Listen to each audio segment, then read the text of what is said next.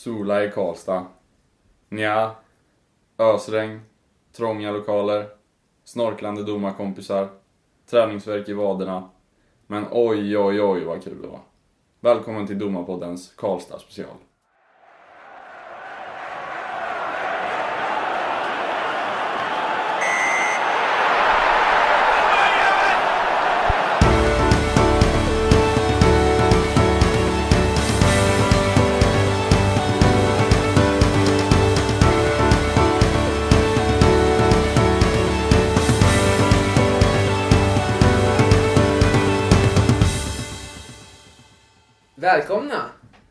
Välkomna, välkomna.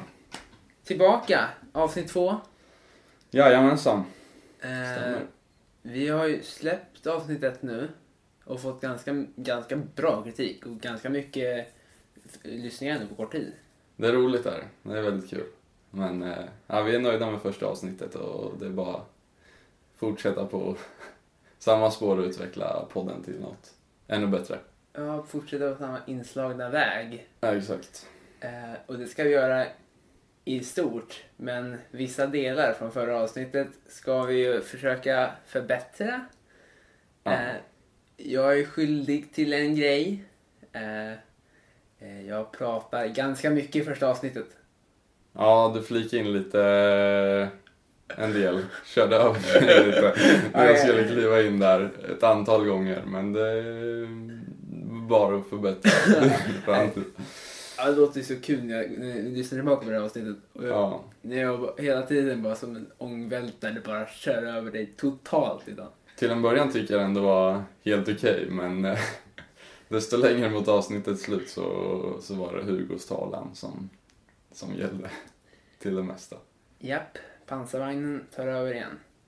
Ja. så att säga. Nej, så det ska vi självklart försöka förbättra. Mm. Eh, det fanns ju även i det avsnittet några tabbar med öppna fönster och sånt där och knarrande stolar. Ja. Men ja, vad tusan, det är ju sånt som kommer med. Första avsnitt liksom, det är svårt att veta om vad, vad micken tar upp för ljud eller inte. Ja, exakt. Nybörjare liksom. Jajamensan. Nej, så vad har hänt sen sist vi spelade in? Dömt en hel del fotboll. Sen nu i eh, ja, kommande, eller föregående helg så var vi då i eh, Karlstad på Sverigecupen och dömde eh, där då för 14-åringar var det väl? Ja, 14-åringar, P14. Ett gäng domare som fick åka dit och jobba på sin dömning och utvecklas som domare och personer. Väldigt rolig upplevelse, eller vad, vad säger du? Jo, det var, det var jätteroligt faktiskt. Vi var iväg eh, nio stycken, tror jag. Från Örebro? Ja, från Örebro. Sen var det ju även många andra, jag tror vi var typ så här 35 domare, eller något, 34. Ja, runt 30 domare där. Ja, strax över 30 var vi. Eh, det var ju från Värmlands distrikt, eh, Västmanland, Dalarna, Uppland och då Örebro också. Ja. ja. Det var väldigt roligt faktiskt. Den, eh, nej, man utvecklades väldigt mycket och träffade, träffade massa nya domarkollegor. Fick döma många roliga matcher så nej, det, var en, det var en härlig upplevelse faktiskt. Eh, något man kommer bära med sig faktiskt. Ja, länge. Och alltså man känner i alla fall, alltså, när vi kom dit på, eh, vi kom dit på torsdagen. Ja, Eh, då var man ju ändå, man, ja, men vi har båda två, du hade ju dömt lite mer i mitten än vad jag har gjort. mm. Innan menar du? eller? Ja, alltså innan Karlstad. Nej, jag har inte dömt så mycket i mitten. Men du hade, hade du haft, hur många matcher hade du haft? Men alltså med assisterande? Tre, max. Ja, okej, jag hade haft två. Ja, jo. Så vi har dömt ungefär lika, lika mycket i mitten. Men eh, ja, som sagt innan, innan kuppen så dömer vi mycket som eh, assisterande domare då. Inte haft så många matcher i, ja, men som domare i mitten med assisterande. Men nu i kuppen så fick ju båda tillfället att eh, utvecklas som domare i mitten då, med assisterande domare. Så det var väldigt lärorikt och eh, mycket roligt. Ja, och alltså det som jag verkligen mär- märkte, det är ett gående problem med eh, att vi i Örebro dömer väldigt mycket som assisterande. Och det tror jag är på andra ställen också, man dömer väldigt mycket som assisterande för det finns, alltså på varje domare så går det ju två assisterande. Ja. Så det finns ju väldigt mycket mer assisterande uppdrag än vad det finns huvuddomaruppdrag. Så man får ju väldigt mycket mer assisterande. Men så jag tror det var bra att vi kom till Karlstad och jag tror båda två kände att vi eh, åkte därifrån som väldigt mycket bättre domare än vad vi gjorde när jag kom dit. Ja, verkligen. Det är, man behöver några matcher för att kunna utvecklas som, som domare. Det går inte bara att, att plugga in eh, vad som krävs för att bli ja, både assisterande domare men även domare i mitten utan du måste ju pröva på det i praktiken för att, för att se vad som behövs göras. Och eh, just i Karlstad så efter varje match då så fick vi hjälp ifrån olika observatörer eller coacher som det då kallades. Som eh, gav oss feedback och hjälp för vad, vad vi gjorde bra och vad som vi behöver förbättra till eh, Till, till. Nej, exakt. exakt.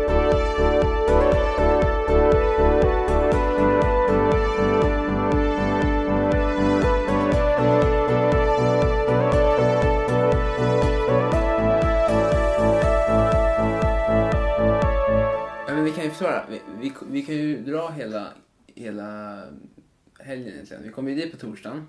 Åkte med din pappa. Eh, jag hade först ett sorts intromöte. om man ska kalla. Vi gick igenom lite reglerna. Lite eh, uppfärskande liksom eftersom det var uppehåll. Eh, fick lite speciella direktiv för just den här kuppen till exempel. Som spelarna aldrig fattade att vi inte fick stanna tiden överhuvudtaget. Om det inte var en skada som tog väldigt lång tid. Nej, det stämmer. Exakt. Så var det ju. Men Ja. Det är väl mest på grund av att det var tajt schema och Ja, det är, fy, det är fyra dagar, det är 32 lag och väldigt mycket matcher. ja, Så det, det är ju, det, det tar ju tid så att det, man behöver verkligen hålla schemat. Ja. Eh, sen hade vi, eh, vi trodde att det var en längre, en större lunch på det där mötet, men det var ju bara en baguette. Så vi drog alla och käkade lite innan matcherna sen. ja. Väldigt god macka dock, ja, den var god. Eh, sen, sen kommer vi till... Eh, eh, vi åkte dit vi ska sova. På Örsholmen i Karlstad. Eh, vi sov i deras klubbhus. Ja. Ja, eh, FBK Karlstads klubbhus. Och sen eh, väl där, match, vi hade två matcher på torsdagen. ja, det var lite olika. Jag hade en match eh, i mitten. Och, så det var lite olika. Några hade en match i mitten, några andra hade två matcher som assisterande just på torsdagen då. Exempelvis du. Mm. Så det var lite olika. Men en eller två matcher på torsdagen. Eh, sen var det... Ja, egentligen att och bara nej, gå och lägga sig och sen kliva upp på, på fredagen med eh, nya tag inför nya matcher och ja, döma med nya domarkollegor. Hur många matcher hade du på fredagen? På fredagen hade jag tre, tror jag. Ja, tre hade jag nog. Ja, det hade jag också. Jag hade en i mitten och två på linjen. Mm, jag också faktiskt. Och torsdagen och fredagen så var det ju, vad jag kommer ihåg, inte så jättehändelserika matcher. Hade du någon som var någon speciell match? Mm, nej, ja, det var några matcher där det hände, hände en del. Ja. Eh, en del saker, men det, det gick bra. Det gjorde det. Ja, jo. Det var, men det var inte, det var det var sen det brakade loss igen. Men eh, nej, torsdagen gick bra. Bra matcher, Ja. eh, bra feedback. Vi hade då, eh, på varje match hade man en instruktör eller coach. Och de kom från olika distrikten. Så vi hade två med oss från Örebro, och så var det några från Uppland och Värmland och alla olika distrikt. En från Norge också. Och en norrman. Ja, Mårten. Skön kille. Mm. Eh, så sen var det fritid på kvällarna. Jag tror det var på fredag eller lördag vi körde blindfotbollen. Det var på fredag Ja, kväll. jag tror det var fredag också. Alltså. Ja, För det var... lördag kväll var kebaben. Ja, just det. lördag kväll. Ja, nej, blindfotboll fick vi då prova på. Det var riktigt, riktigt, riktigt spännande faktiskt. Eh, kul att få pröva på det är. Väldigt svårt, eh, måste jag säga. Så, Eh, Jag hyllar verkligen eh, alla de som är duktiga på, på den sporten i och med att eh, ja, jag tyckte det var väldigt, väldigt svårt. Men eh, otroligt roligt faktiskt. Ja, man ser ju ingenting. Nej, Man går ju runt som en eh, zombie med, eh, med ögonbindel typ. Man ser absolut ingenting och man är ju mest rädd för att springa in i någon. ja, det var några som... Men dock är jag stolt. Jag är stolt för jag var, en, jag var, en, jag var den enda, tror jag, som lyckades sätta in en glidtackling på blindfotboll. Ja, totalt livsfarligt. Men Ja, eh, totalt livsfarligt. Totalt onödigt, men hörde att bollen var där, ja, jag kan ju, kan ju nämna där också att eh, la mig ur sparken. Ja, exakt. Nej, det var ju så man... Ja, det var ju då en, en vanlig fotboll då, men skillnaden var att du, du hörde liksom eh, dens eh, ljud var, ja, för att då lokalisera vart bollen var. Och på så sätt kunde du nej, men, veta vart den är och försöka ta dig emot, mot det mål du skulle till, även om inte jag visste vart det var. Men på så sätt visste man i alla fall vart bollen var. Så så funkar det. Men eh, ja, väldigt roligt. Även om några gick in för det lite mer än andra och glidtacklades lite. Men tur att ingen blev skadad i alla fall. var tusan. Ja, det fanns en snö, det var väl bjällror typ, inuti Ja, bollen precis. tror jag, som lät. Men vissa av oss, det var några stycken som var extremt duktiga på det faktiskt. Som Ja, verkligen lärde sig det med tekniken. Ja verkligen. som nej, nej, så en stor hyllning till alla som håller på med din fotboll. Ja, Det är verkligen. extremt svårt. Eh, och, sen hade vi väl, nej men vi ska ta lite mer om matcherna. Eh, Mm. Att vi, eh, det är just det där att när man dömer själv i divisionerna, då kan du ju i vissa fall slappna av lite grann. Till exempel som AD, om det inte händer så mycket. Men i de här matcherna, dels är det ju fruktansvärt bra tempo för att vara 14-åringar. Ja, väldigt Så man måste ju bra, alltid vara påslagen. väldigt bra fotboll var det. Det gick eh, otroligt snabbt. Ja, speciellt AIK, Göteborg och några till lag var ju extremt duktiga. Och Ja, det- tempot var ju jätte, alltså man blev ju imponerad. Ja, det fanns många, många väldigt duktiga lag där. Ja, det så, gjorde det. ja, det var väldigt kul att få döma. Det var hög klass på fotbollen och då blir det... Det krävs mycket som domare då, men det är väldigt kul man får pröva, pröva sitt domarskap.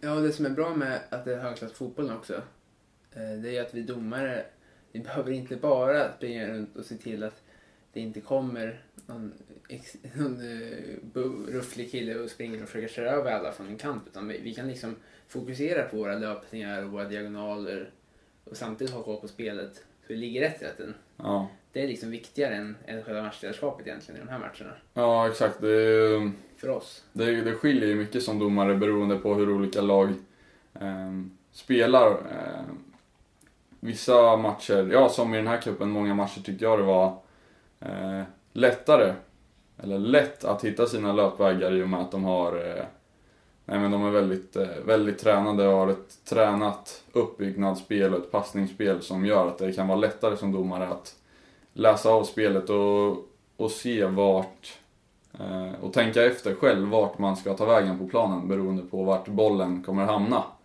Eh, nej men i kommande skeden. Det kan vara svårt i vissa matcher där, där det är väldigt kanske okontrollerat spel. Då kan det vara svårt som domare att veta exakt vart du ska placera dig i och med att det blir svårare att läsa av vart bollen kommer, kommer landa härnäst. Men i, i den kuppen var det väldigt, eh, men vad ska man säga, väldigt eh, bra, bra passningsspel och det var ganska lätt att läsa av vart, eh, eh, vart spelarna skulle lägga bollen i och med att de var så, så duktiga på det. Ja, och det var också, du var ju jättebra på det löpvägarna. Ja, löpvägarna, De hittar ju du perfekt. ja det gick bra. Men det är ju någonting som du eh, som domare i mitten får jobba på eh, mycket när du har assisterande domare. Du har ju en assisterande domare på en av din, eh, en av långsidorna. Och han, Eh. och han täcker då halva långsidan. Ja, precis. Eh, och sen har du den andra assisterande på den andra långsidan. Fast på den andra... Vad säger man? Halvan typ. Ja, exakt. Andra halvan. Så det blir att du har två stycken halvor. En på ena långsidan och en på den andra som inte assisterande domaren står speciellt nära. Och då gäller det för dig som domare att, eh, löpa rätt så att du kan se just de lite mer tomma diagonalerna och vara där mm, situationer händer. I och med att assisterande domarna inte är lika, lika nära på de halvorna. Vi kan ju förklara hur det fungerar. Just med, när vi pratar mycket nu, diagonal har vi sagt, det löpvägar och sådär. Det som fungerar är att du har en assisterande i ena hörnet ungefär och en i andra. och Sen löper de upp till halva planen ungefär. Och det som, en, som huvuddomaren då ska täcka, det är då de två andra hörnen utav planen där det inte finns en assisterande som täcker. Och sen rakt över mitten. Det är, då, det, det är det som kallas för en diagonal för domaren. Ja, precis. Och det är ju så vi ska försöka löpa, så vi hela tiden ligger i den diagonalen. För att få... För att vi som... Man ska, vi ser också att ofta domaren och sen har man linjemän. Men det är ju ett team på tre domare. Ja, eh, Ska vi säga. Så att, för att vi som team ska kunna se allting så mycket som möjligt. Det är då det gäller att vi löper rätt så vi hamnar på rätt ställe. Så vi, dels kan vi se våran AD ja. och dels så kan vi vara nära spelet. Utan att hamna i vägen. Nej, exakt.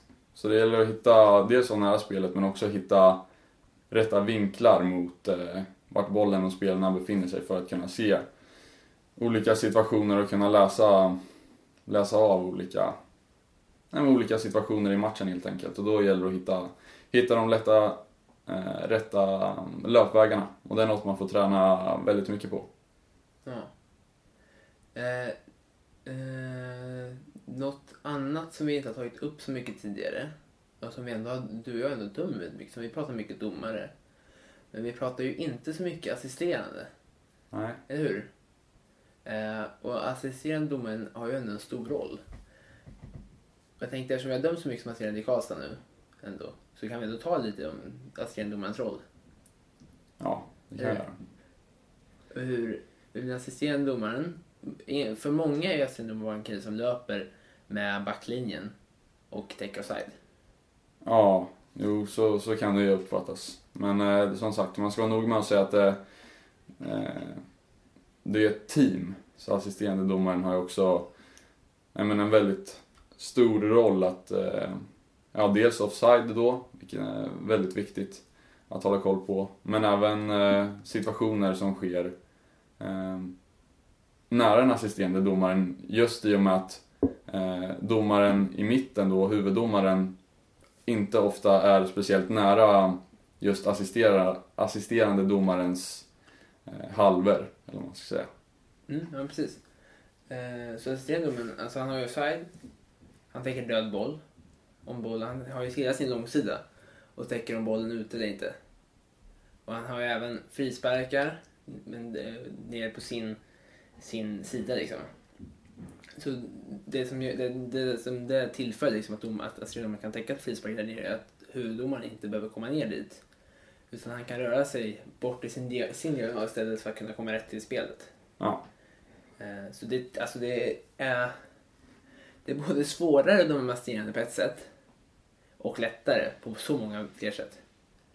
Ja. Vi som har dömt mycket, vi har dömt lite, du har väl dömt mer ungdomsfotboll än vad jag har gjort.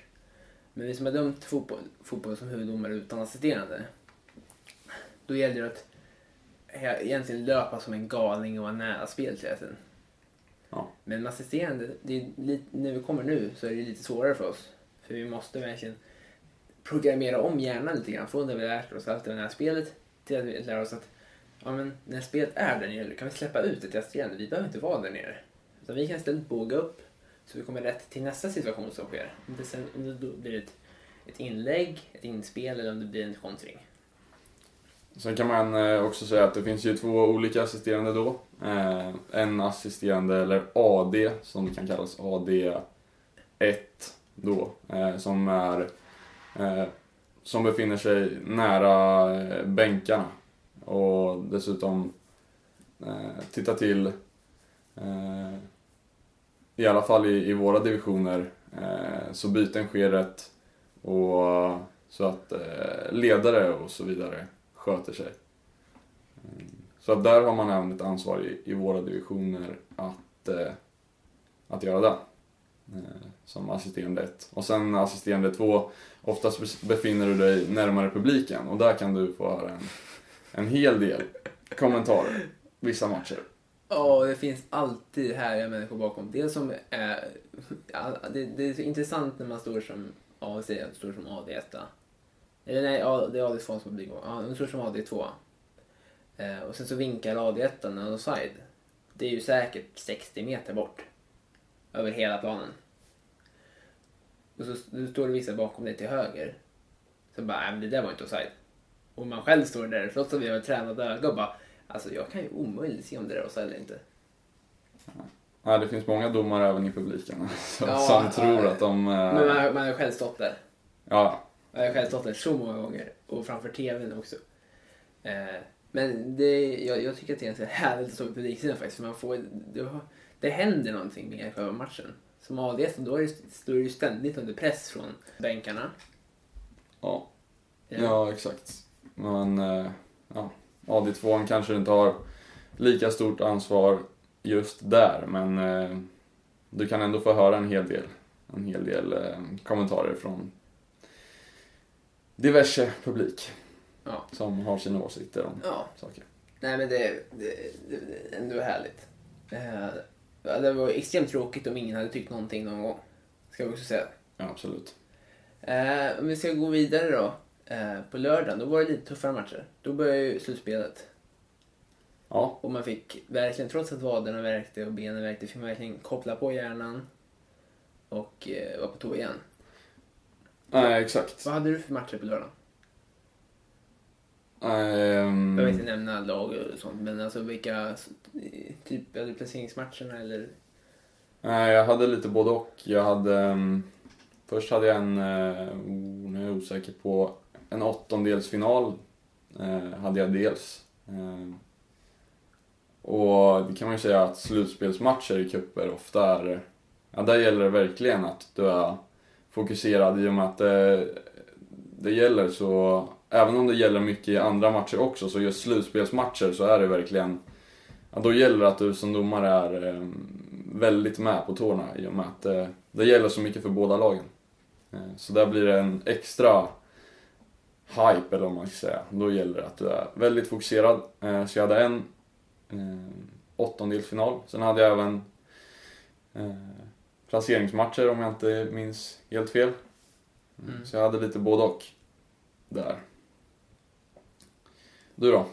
Eh, jag hade ju, jag tror jag hade en åttondelsfinal och sen så hade jag nog, eh, jag hade, tror jag hade en, en placeringsmatch i mitten och en placeringsmatch på linjen. Och sen avslutades det med den där matchen på, i mitten av kvarten. Eller hur? Det, det var du kolla på. Ja, jag såg Den en sista. Ja, precis. Och den ska vi gå in lite på, för den var väldigt intressant. Och var spännande att döma faktiskt. Ja. Eh, det var två bra lag. Båda vill spela fotboll. Båda vill kampa väldigt mycket om bollen. Eller hur? Ja. Eh, så det var, alltså det var en, för mig som inte har dömt jättemycket i mitten var det ju, det var en tuff match. Det var det. Det var mycket att hålla reda på. Mycket att vara på tårna på. Eh, och mycket varningar. Jag tror mycket gula kort. Ja, jag hade också en sån match. Nu ska jag inte gå, gå bort ifrån din match, men en match eh, där det också var lite tuffa situationer där du som domare eh, nästan får agera ja, fokuset istället för att fokusera på dina löpvägar, på kommunikation med dina assisterande, på eh, bedömningar. Eh, eller bedömningar fokuserar du alltid på, men det, det blir svårare att fokusera på exempelvis löpvägar, hur du ska springa i sådana matcher där det är eh, otroligt hett, där det händer väldigt mycket och där eh, det händer mycket bakom din rygg som du inte hör, men som du på ett sätt måste lösa ändå. Så det känns som vissa matcher som oavsett hur du agerar eh, så blir det alltid folk som är missnöjda. Ja. Och jag hade någon match i den här cupen där det var, ja det var tufft. Men till slut så rådde vi hem den. Men det var mycket att hålla koll på. Utöver dina löpvägar och dina vanliga bedömningar och Ja, precis. Eh, det var, jag, tror inte, jag, vet inte, någon, jag tror ingen domare hade någon match som gick så här käpprätt åt skogen. Utan alla domare höll en hög nivå. Och vi rådde hem nästan alla matcher tror jag. Eller hur? ja, det tycker jag. Alla Eh. skötte sig väldigt bra, tycker jag. Och den matchen jag hade blev ju... Det var ju, det var ju två bänkar. Med bägge bänkar var ganska hetsiga. Ja. Och jag som ung orutinerad, jag dömde med två fantastiska assisterande som bägge eh, gav mig mycket råd och var väldigt bra. Eh, och bägge var med längre och dömt mer matcher. Eh, eh, så jag hade, jag hade några beslut, jag, jag, jag borde bättre. Eh, överlag var jag nöjd med matchen, min coach var nöjd med matchen. Eh, vi sa båda två att varningarna och beslutsfattandet var i stort var bra. Och så. Jag försökte dra upp vägarna och sådär. Eh, men jag hade några, jag kan ta någon, någon varning till. Men vi hade ju en straff som var extremt intressant. Straffen solklar. Spelaren kom ju löpandes mot målet. Eh, blev fälld av målvakten. Men eftersom, målet, eftersom det var straffområdet och målvakten försökte nå bollen så är, är det en ny regel i år som heter målchansvarning istället för målchansutvisning. Och det är då om en spelare i straffområdet slänger sig och tacklar eller kastar sig för att försöka nå bollen och kan nå bollen men lyckas inte utan fäller spelaren. Då får man en varning och inte en målvaktsutvisning. För att slippa få de här stora bestraffningarna på utvisning. På, till exempel, det kan vara straff, utvisning på målvakt och lite annat. Eh, så det blev straff. Eh, inte så mycket protester alls. Eh, men på straffen sen så gick målvakten lite tidigt. Som jag assisterande eh, höjer flaggan, för som kollar det. Eh, jag blåser av, vi tar om matchen. Problemet är det här att eh, målvakten, om han går tidigt, ska ju ha en varning i år. Men jag gav honom ingen varning, vilket är både, ja, det är både tur och otur. Jag skulle själv ha gett honom en varning, men eh, det hade också inneburit att målvakten blivit utvisad. Och då tror jag det hade kunnat bråka loss ordentligt. Eh, så den glömde vi. Men målvakten hade otur sen för han räddade ju första straffen. Och sen på andra straffen så räddade han ju också den. Men eh, spelaren satte returen. Eh, men överlag den matchen. Eh, det var tufft, det var hett. Spelarna, det var många spelare som var ganska arga på slutet. Men jag tror det mest var trötthetstecken och att de förlorade. Ja, det var en, återigen en sån slutspelsmatch.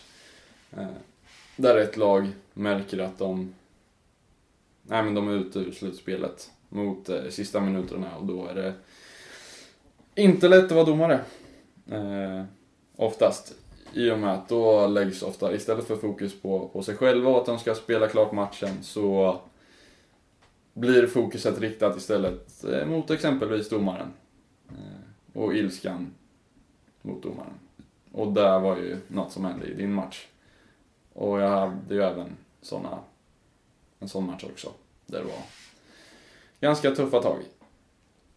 Men det hör ju till, det är en bra erfarenhet.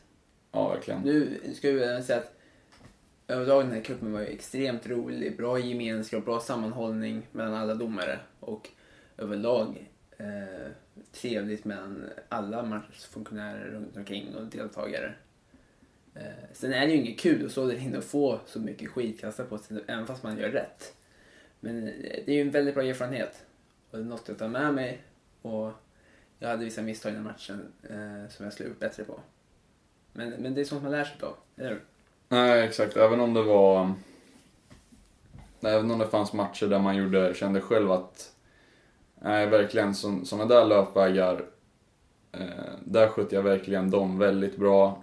Och det är exakt så jag ska göra eh, under kommande matcher. Så just de här matcherna där det händer så mycket. Eh, min match där det hände väldigt mycket. Det är jag som eh, både domare men även person eh, fick ta otroligt mycket ansvar. Eh, det är den jag lär mig mest ifrån och ehm, eh, det, jag tror det är den som kommer höja mig eh, mest av alla som jag hade under cupen. Både som domare och person. Ja, för när vi går vidare från de här matcherna, de här cupen, vi, det var inte sån, vi, ska ju bara, vi, hade, vi kan ju bara ta innan vi avslutar Karlstad-delen, ska vi bara ta det på söndagen, vi hade vi, eh, båda hade en placeringsmatch i mitten. Och båda, vi hade, fick ju faktiskt en semifinal på linjen båda två, samma. Vilket var extremt roligt. Ja, Och det, den var, gick ju jättebra. det var vår första match ihop, tror jag. Ja, vi tror någonsin. Ja, Vi är inte säkra. Nej. Men jag, jag, jag tror någonsin. Eh, så den rådde vi hem jättebra. Vi hade en fantastisk domare i mitten. Han skötte det skitbra. Och det gick, gick suveränt. Uh, mycket bara säga att för, både, för, både förra avsnittet och det här avsnittet som är det, när man pratar om domare så blir det rätt mycket negativt. Men vi ska ju ta upp det, det är ju extremt kul att döma fotboll. Och sammanhållningen mellan oss domare i Örebro fotbollsdomarklubb och mellan andra distrikt också är ju väldigt bra. Och det finns är ju så mycket trevliga människor där ute. Ja, bara från Karlstad nu så var det ju, ja, till en början som det ofta är i, i grupper överlag eh, på torsdagen där. Eh, lite blygt och så mellan domarna. Eh, men sen mot de sista dagarna så var det ju eh, nej men, otroligt bra snack och en eh, fantastisk sammanhållning mellan alla domare och nu har man ju med sig eh, bra vänner från ja, bra vänner och domare från eh, andra platser i Sverige som man inte skulle haft om man inte var där och, och dömde.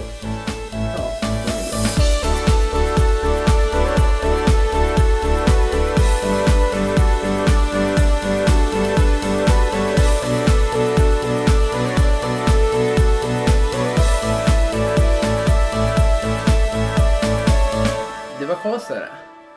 Eh, ska vi ta lite frågor? Vi har faktiskt fått in lite frågor. Ja, Så vi tar dem nu tycker jag. Eh, vi har fått in en här.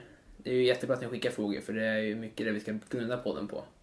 Så ni kan bara- fortsätta mata in. Alltså allt. Ni kan veta, vi, vi försöker svara så ärligt och bra vi kan på alla frågor. Eh, så ni går och skicka in dem till vår mail. Eh, domarpodden at hotmail.com. ja, nu har vi fixat en, Ja. en riktig e-mail så, för sist hade vi din eh, privata. Ja. Men nu har vi en riktig. Eh, och eh, ja, till oss privat kan ni, ni kan ju skicka det om ni vill. Eh, eller eh, Domarpoddens Instagram. Domarpodden bara heter den. Ja. Eh, men vi har fått in en fråga här från eh, Daniel Forsberg. Och han undrar lite kring hur mycket snack som behövs på vilken färg på, hur, hur vi hur bedömer vi när, spelare snackar mycket med oss? Eh, både aggressivt och schysst. Hur, mycket, hur bedömer vi det? Vilken färg krä, hur- vad krävs det man ska säga för att man ska få en viss färg på kortet? Och hur mycket snack tillåter vi? Och så, om, om, det liksom, om det är okej med första reaktioner och sånt. Så snack i allmänhet. Du kan börja, vad känner du? Eh, För att du ska dra ett gult, rött eller bara snacka tillbaka, vad, vad krävs det då?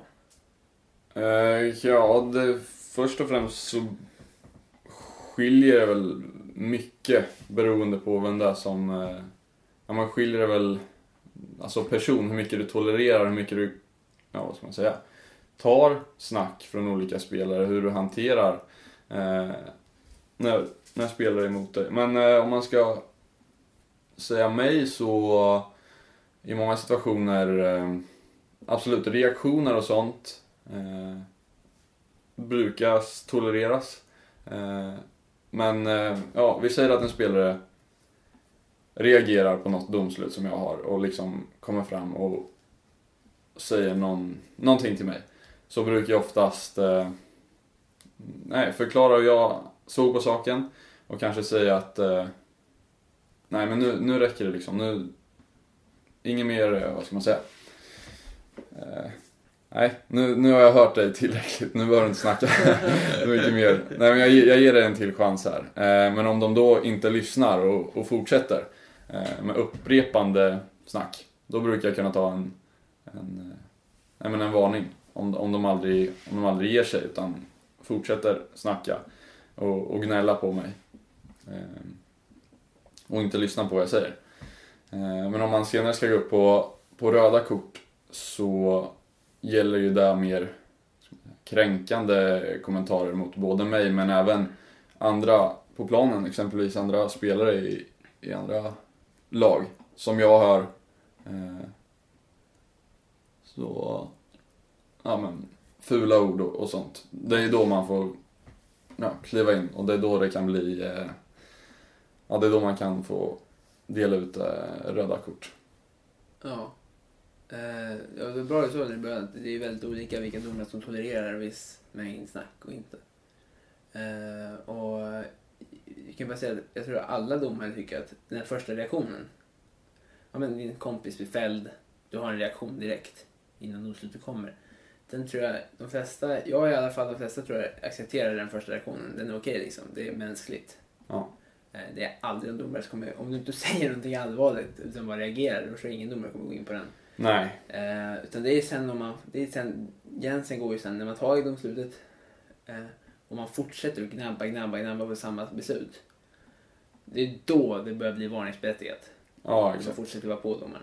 Eh, och sen är det alltså alla former av könsord, många sv- grova svordomar eh, genererar ju och ska generera i röda kort Mm. Eh, direkt. Utan ens, och det, beror, det spelar ingen roll om du säger dem för att du missat en målchans, om du säger dem till domaren, till den assisterande, till en annan spelare. Men det är, det är rött direkt. Ja. Jag snackar mycket med spelarna. Jag tror du också gör. Ja. Många domare gör idag. Eh, vilket är bra om man får en bättre kontakt med spelarna. Eh, Och det, det som kan vara svårt med domare, där som jag, jag har haft eh, sådana matcher Eh, där spelare kan säga saker till varandra bakom min rygg eh, som jag inte hör, som kan skapa irritation mellan dem.